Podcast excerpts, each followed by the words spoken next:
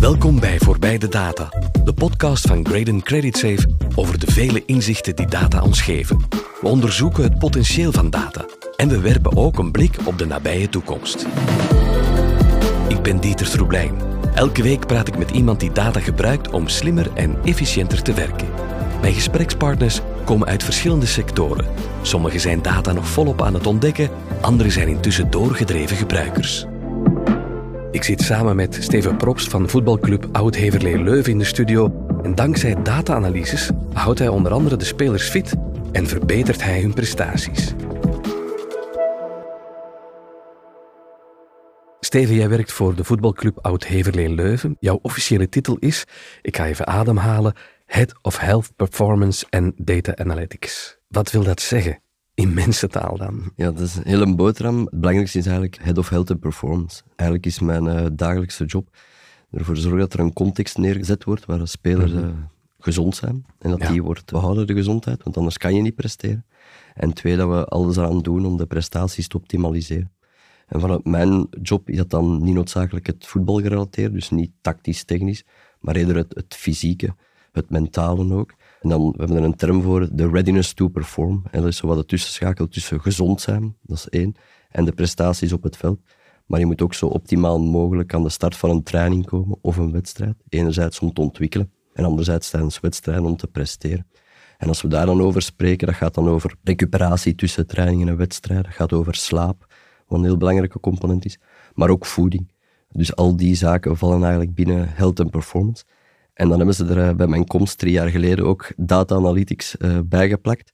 Waarom? Omdat dat een, departement of een domein is waar heel veel technologie, data, analyses in gebeuren. Ook heel veel innovatie staat te gebeuren. En de club OH Leuven wou op dat moment daar een eerste stap in zetten en hebben ze aan mij gevraagd. Ja. En de bedoeling was dat dan om over heel de club uit te rollen. Van, maar vandaar de lange titel. Ja, welke opleiding heb jij genoten? Ik heb zelf gestudeerd in KU Leuven, sportkinesietherapie. Mhm. Absoluut met de bedoeling om in het voetbal verder te gaan. En dat is bij deze ook gebeurd, maar niet als praktiserend kine, zogezegd, maar eerder als het overkoepelend en uh, het departement te leiden, te sturen. ik vraag het eigenlijk om twee redenen. Eén, omdat we toch er mogen van uitgaan dat in een voetbalploeg op dat niveau al jarenlang een medische begeleiding is, een kinesiotherapie en zo, dat daar nu iets bij komt waarvan we denken, ja, hadden die dan die data bijvoorbeeld niet ter beschikking? Mhm. Er eigenlijk op verschillende vlakken evolutie geweest op vlak van fysieke en medische begeleiding. Als je start met fysieke, dan had je vroeger een physical coach, of dat was degene die de opwarming mocht geven eventueel zelfs een cooling down en verder eigenlijk relatief weinig uh, in de pap te brokken mhm. Wat zie je nu is dat dat echt een, een, een, expertise is, waarin dat er binnen de performance coaches, hoe dat wij noemen, daar heb je een strength and conditioning coach, dus iemand die verantwoordelijk is voor de kracht, je hebt iemand die verantwoordelijk is voor de veldbegeleiding, je hebt iemand die verantwoordelijk is voor de datamonitoring. Dus je hebt eigenlijk verschillende profielen die gaan samenwerken. En zeker binnen de medische staf je hebt niet gewoon een kine, maar je hebt verschillende kines. We hebben drie fulltimers plus één uh, halftijds, die dagelijks op de club zijn. Maar die hebben ieder hun expertise. De ene is meer de manuele therapeut, de kine met de gouden handen. Dan heb je degene die de revalidatie en de oefentherapie doet. En dan heb je ook degene die nauw samenwerkt met de physical coach op het veld om spelers die geblesseerd waren of om blessures te vermijden, op het veld te gaan begeleiden. Dan heb je een voedingsdeskundige, je hebt mental coach, we hebben een medisch pedicure, we hebben twee dokters, we hebben een osteopaat.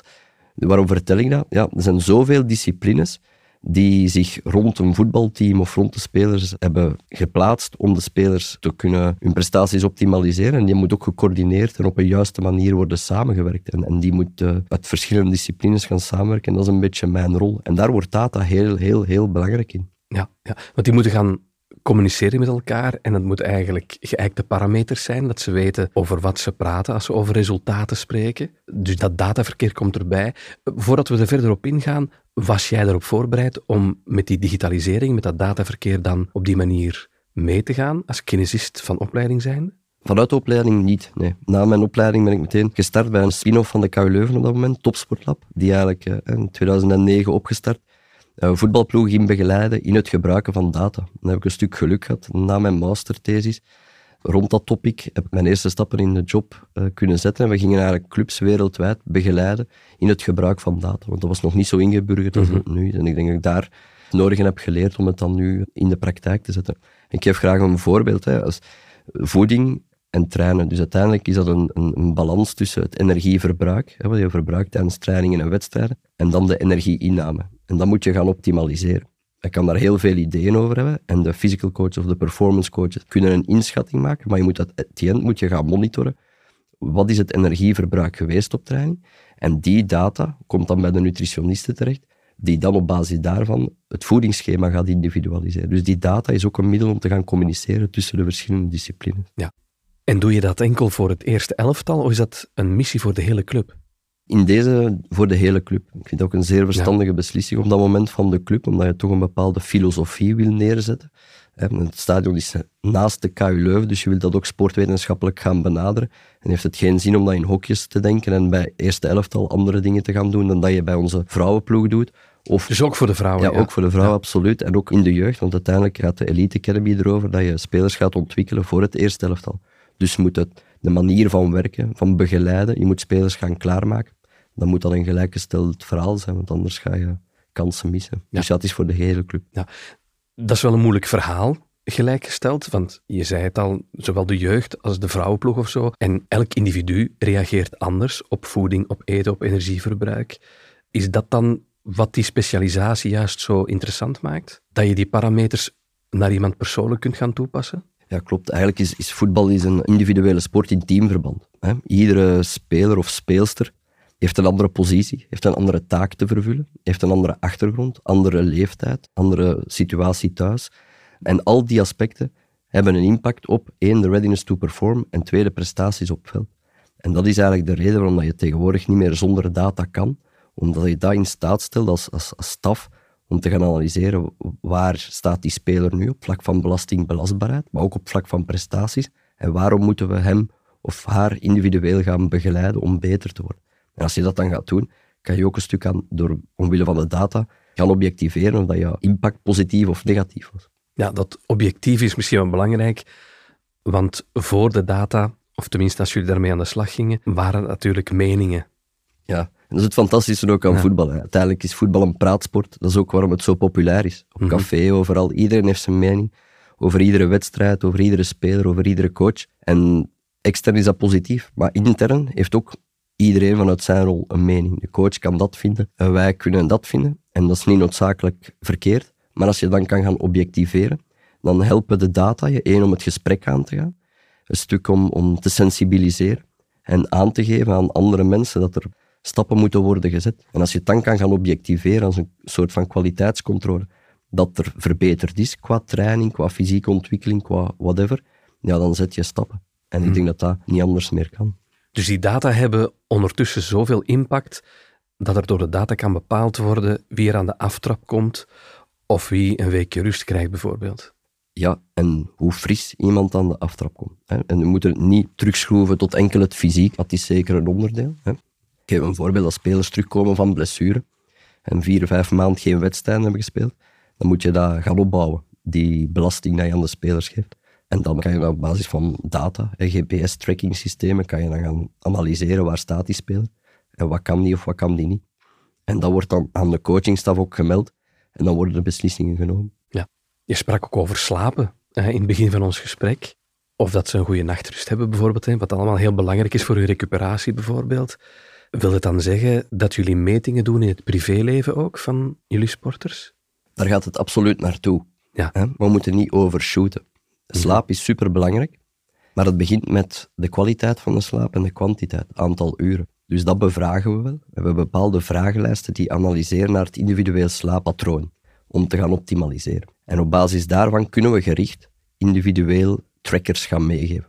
Genre, Fitbit, Whoop, de Aura-ring, om dan individuele cases van slaap te gaan monitoren. In overeenstemming en akkoord met de speler natuurlijk. Ja, GDPR komt om de hoek loeren hè, op zo'n moment. Ja, ja absoluut. Je kan eigenlijk op het moment dat je die gegevens binnenkrijgt, gaan zien wanneer een speler bijvoorbeeld uh, welke activiteiten heeft in zijn privéleven. Ja, en uh, de zotste eerst. Hè. Op een bepaald moment kan je zelfs gaan trekken, rijdt hij naar huis of rijdt hij niet naar huis, uh, slaapt hij of slaapt hij niet s'nachts, et cetera. Maar daar houden we ons niet mee bezig. Het is wat ik er juist zei, altijd in overeenstemming. En het is ook niet dat we met de fanfaren op kop alle spelers een muts met sensoren gaan aandoen om te laten slapen. En dat ze ochtends dan drie minuten moeten blijven stilliggen om hun rusthartslag te meten. Want alleen die ingrepen gaan al invloed hebben in de negatieve zin dan op de slaap. We proberen eerst te sensibiliseren, aan te geven wat belangrijk is qua slaap, waarom en hoe je dat kan optimaliseren. En dan op individuele vraag, of omwille van individuele noten, gaan we wel effectief gaan monitoren om de slaappatronen te herkennen, samen met bijvoorbeeld de KU Leuven. Maar dan is de speler altijd akkoord wat en hoe dat we het meten. Ja, ja. En die metingen die gebeuren ook tijdens de wedstrijden, tijdens de trainingen, dat zijn die, uh, ik zal maar zeggen, het lijkt op een sport-BH dat ze, dat ze aan hebben. En daar zitten al die sensoren in. Ja, op basis van GPS-systeem monitoren we eigenlijk de snelheden die spelers halen, hoeveel sprints hebben ze gedaan, hoeveel meters aan high speed hebben ze gedaan, omdat dat zowel naar prestaties als naar blessurepreventieve aspecten een heleboel informatie geeft. We hebben ook hartslagmonitoring om te kijken hoe reageert iedere individuele speler op de prikkel die is gegeven door de coachingstaf. En zo ook dat. Ieder speler reageert daar individueel op. En dan kan je individueel gaan bijsturen qua voeding. Je kan ze na training iets extra laten doen, omdat ze niet gedaan hebben wat je verwachtte. Of te veel misschien. Dus daar kan je alle kanten mee op. Ja. Als je spreekt over hartslagmonitoring en bijvoorbeeld ook over blessures voorkomen en zo, is het ook wel niet zo dat die naakte cijfers zeggen dat spelers vandaag de dag veel meer moeten presteren op een seizoen dan vroeger?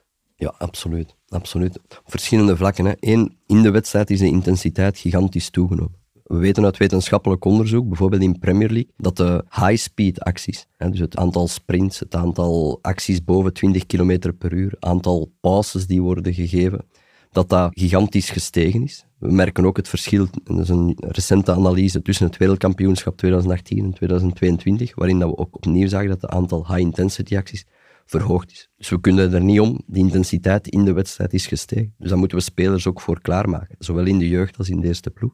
En daarnaast merken we hè, dat er meer en meer competities komen. Het aantal matchen, zeker dat de topspelers moeten doen, bijvoorbeeld in Europa, dat is gestegen van gemiddeld 50 naar 70. Je zag het bij Kevin De Bruyne onlangs ook, die was eigenlijk blij dat hij geblesseerd was. Zodat hij zichzelf, zo noemde hij het althans, kon resetten. Mhm. Dus de load, zowel mentaal als fysiek, die op die topspelers wordt gelegd, dat is gigantisch gaat ook ergens moeten stoppen. En dan is het onze taak eer om de spelers van de toekomst daarvoor klaar te maken.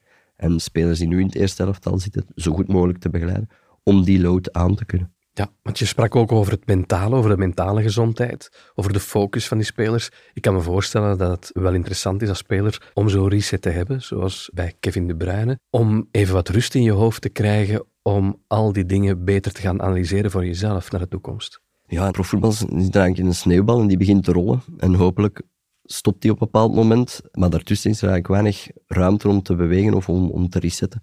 En vandaar dat wij ook iedere blessure die jammer genoeg voorvalt, ook aangrijpen als een soort van prestatie-opportuniteit. Mhm. Op dat moment heeft die speler wel tijd om aan zijn gebreken te werken, om meer te focussen op voeding, om mentale aspecten te gaan beheersen, waar er anders geen tijd voor is. Kan me inbeelden bij zo'n Kevin De Bruyne dat dat wel goed doet. Want het is van het een naar het andere. WK, Champions League finale, Premier League, eh, toch geen ehm, kleine competities met heel veel wedstrijden. Dus dat is eigenlijk een continu verhaal. En zo'n resetperiode, ik kan me inbeelden dat dat nuttig is voor de jongens.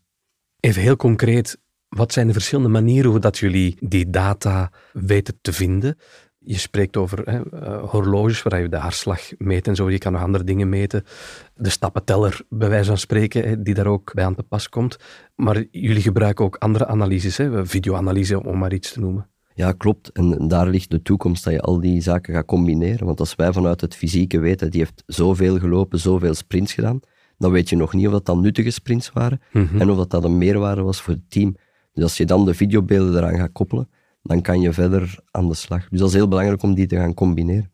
Om op je vraag te antwoorden, ja, concreet, eh, we starten vanuit de wedstrijd. Dus we weten uit de wetenschappelijke literatuur wat dat er verwacht wordt, op fysiek vlak althans, van spelers in wedstrijden.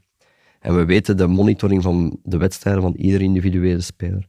Dus op basis daarvan gaan we de belasting of de meters of de trainingsintensiteit die we opleggen aan de spelers, gaan we op basis daarvan individualiseren. Want die ultieme wedstrijdbelasting is voor iedere speler anders.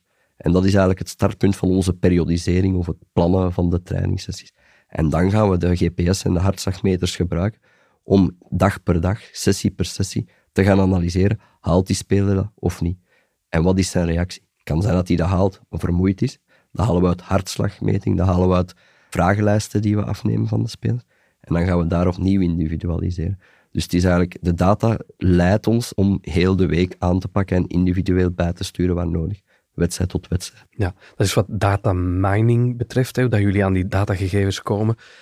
Maar dan krijg je ook nog de analyse. Ik neem aan dat daar geen mensen zelf aan zitten te rekenen en zo. Dat daar wel wat software en op dit moment ook artificiële intelligentie aan te pas komt. Ja, dat gaat meer en meer gebeuren. Maar vergis u niet, er is nog heel veel manueel, handmatig en uh, technisch menselijk werk momenteel.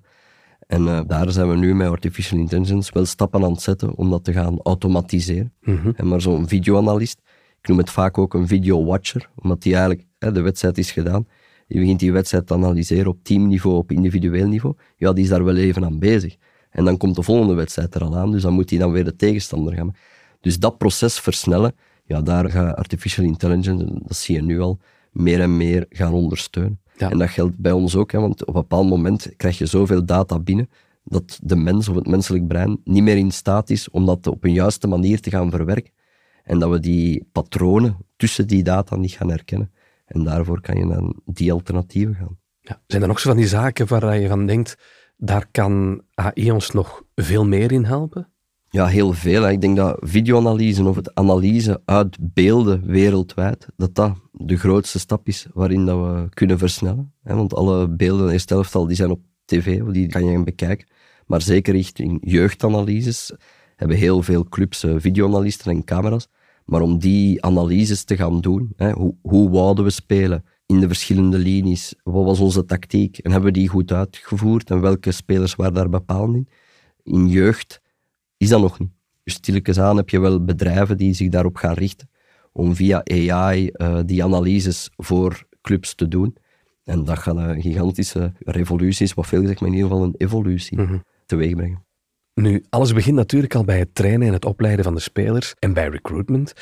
Wordt daar ook al veel gebruik gemaakt van data? Je kan er meer zonder. Dan heb je het over scouting en recruitment, zeker Ja. binnen het eerste elftal. Er is zoveel data voorhanden. Ja, Dat je- veel besproken statistieken van spelers bijvoorbeeld. Ja, ja. exact. En je zou stom zijn om het nu niet te gaan gebruiken. Je, je kan ook niet anders. Hè. Waar je vroeger, als je een, een speler in Brazilië of zo wou gaan halen, moest je iemand naar daar sturen die dan vier weken, vermoedelijk de tijd van zijn leven had. En dan terugkwam met x aantal spelers waarvan hij dacht, dat zou een meerwaarde kunnen zijn. Maar dat proces wordt versneld. Stuk ook onnodig gemaakt door het feit dat je data voorhanden hebt. Dus eigenlijk eh, zijn het een beetje pretbedervers, die, eh, die mensen die met de data bezig zijn. op dat vlak wel. ja. Voor de reisjes naar ja, Brazilië. absoluut, Ja. dat vlak wel. Ja, maar het rendeert wel. hè, Dat is Ja, duidelijk. ja, als je er goed mee omgaat, eh, rendeert het. Ja. En wordt die informatie gedeeld dan tussen de clubs? En kan je daar een beetje van op aan dat die informatie klopt? Je hebt verschillende processen. Wat er heel vaak gebeurt momenteel is dat leaks of competities, en daar heb je altijd een overkoepelend orgaan, de leaks, dat die vaak leak deals sluiten met dergelijke databedrijven, die dan de data voorhanden heeft voor alle clubs. Dan kunnen alle clubs aan die data. Dus dat is vaak een meerwaarde. Dus op dat vlak kan je aan heel veel data. En ja, dat zijn third parties, hè, dus daar, de andere clubs moeten geen toestemming geven. Je kan aan de individuele spelersdata wereldwijd van alle spelers op fysiek vlak, op videobeelden, op voetbalgerelateerde data. Ja. Dus daar kan je aan. Dus dat is goed. En dan in het proces, als je spelers gaat recruteren, dan is er vaak communicatie tussen de twee clubs. En dan wordt die data wel eh, gedeeld. In het belang, hè, als een club wil meewerken in een transfer, Mhm. zijn ze daar happiger op dan omgekeerd. Maar die data wordt wel gedeeld. En we hebben nu een Japanner binnengehaald. In de competitie daar is al drie weken gestopt. Dus die heeft drie weken vakantie gehad. Wij zitten in volle competitie. Dus dan moet je wel weten wat heeft hij gedaan de voorbije weken om die opbouw richting de groep de volgende weken te kunnen gaan individualiseren en optimaliseren. Maar je moet natuurlijk wel kunnen vertrouwen dat die data correct zijn. Want ik kan me voorstellen dat er wel instanties of clubs zijn of makelaars die op een of andere manier de statistieken kunnen opsmukken. Of is dat volledig uit een boze? Ja, uit een boze, daar eh, durf ik mijn hand niet voor Ja. in het vuur steken, maar uiteindelijk ga je naar de data die rechtstreeks komt van de dataproviders, zonder dat daar manipulaties of analyses door gebeurd zijn door andere actoren. En als je de ruwe data hebt, dan kan je de analyse als club zelf doen. En dan heb je meer controle over wat jouw conclusies gaan zijn. En zouden we dan in de toekomst kunnen gaan voorspellen wie de nieuwe Messi zal worden? Klopt. Tenminste, als we dat kunnen vergelijken met wat we weten wat Messi kon in de periode dat hij moest gescout worden. Klopt. En misschien nog een apart verhaal, maar van Ja, de... minstens, hè?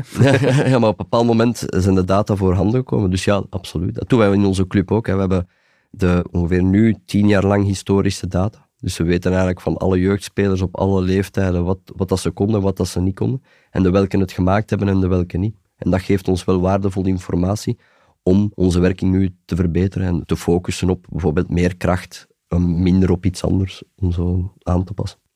Als ik het zo bekijk we hadden het daar net even lacherig over de pretbedervers hè, voor de reis naar Brazilië, maar een scout of een coach heeft wel een heel andere invulling gekregen qua rol op deze manier. Hè. Dat worden allemaal voor een stuk toch ook IT'ers dan tegenwoordig. Die moeten met data aan de slag. Het is een beetje wat, wat men vertelt van Tedesco. Hè. Ja, in voetbalclubs of in de sport ontwikkelden zich andere profielen die de weg vinden naar voetbal. Waar je vroeger een physical coach had, een assistentcoach en een hoofdcoach. En dan kwam er nog een goalkeepercoach bij. Maar nu heb je sportwetenschappers, je hebt dan data-analysten die het werk van de sportwetenschappers gaan versnellen. Je hebt de videoanalisten, maar je hebt dan de jongens die artificial intelligence zo gaan doen werken op die videoanalyse. Dat kan een videoanalist niet. Dus je krijgt heel veel verschillende en een shift qua rollen die zich rond de ploeg binden. En dat zijn heel veel IT-gerelateerde profielen ja, die we weg naar de voetbal vinden. En dan zeker richting scouting en recruitment want we hadden het al over, over de data en dat je wereldwijd alle spelers met parameters kan analyseren wat ze kunnen en wat ze niet kunnen. Maar je moet wel uh, heel die brok aan data kunnen verwerken. En dat is niet noodzakelijk een scout die dat moet doen. Dus mhm. dat is eigenlijk eerder een IT'er, maar dat is nogal een containerbegrip, maar een data-gerelateerd profiel met een gezonde interesse in voetbal die daar zijn ding kan in doen.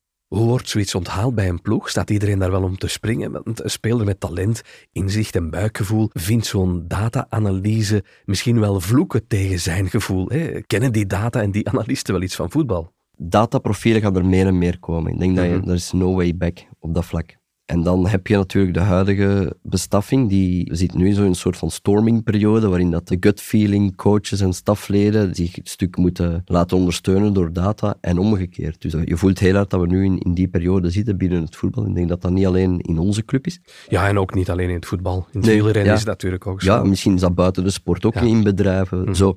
En dan merk je wel dat dat vaak ook een generatiekloof is en dat je daar eh, mee aan de slag gaat. Maar alles staat of valt met communicatie. En als je op een duidelijke, correcte manier, een stuk overtuigende manier ook kan aangeven waarom de data iets tonen, dan geloof ik dat dat proces in een bepaalde richting gaat. Ja. Kan je met dat proces wat jullie doen bij OH Leuven een beetje van de achterstand terug inhalen die jullie hebben ten opzichte van clubs die meer budget hebben om duurdere spelers aan te kopen, bijvoorbeeld? Dat is de overtuiging.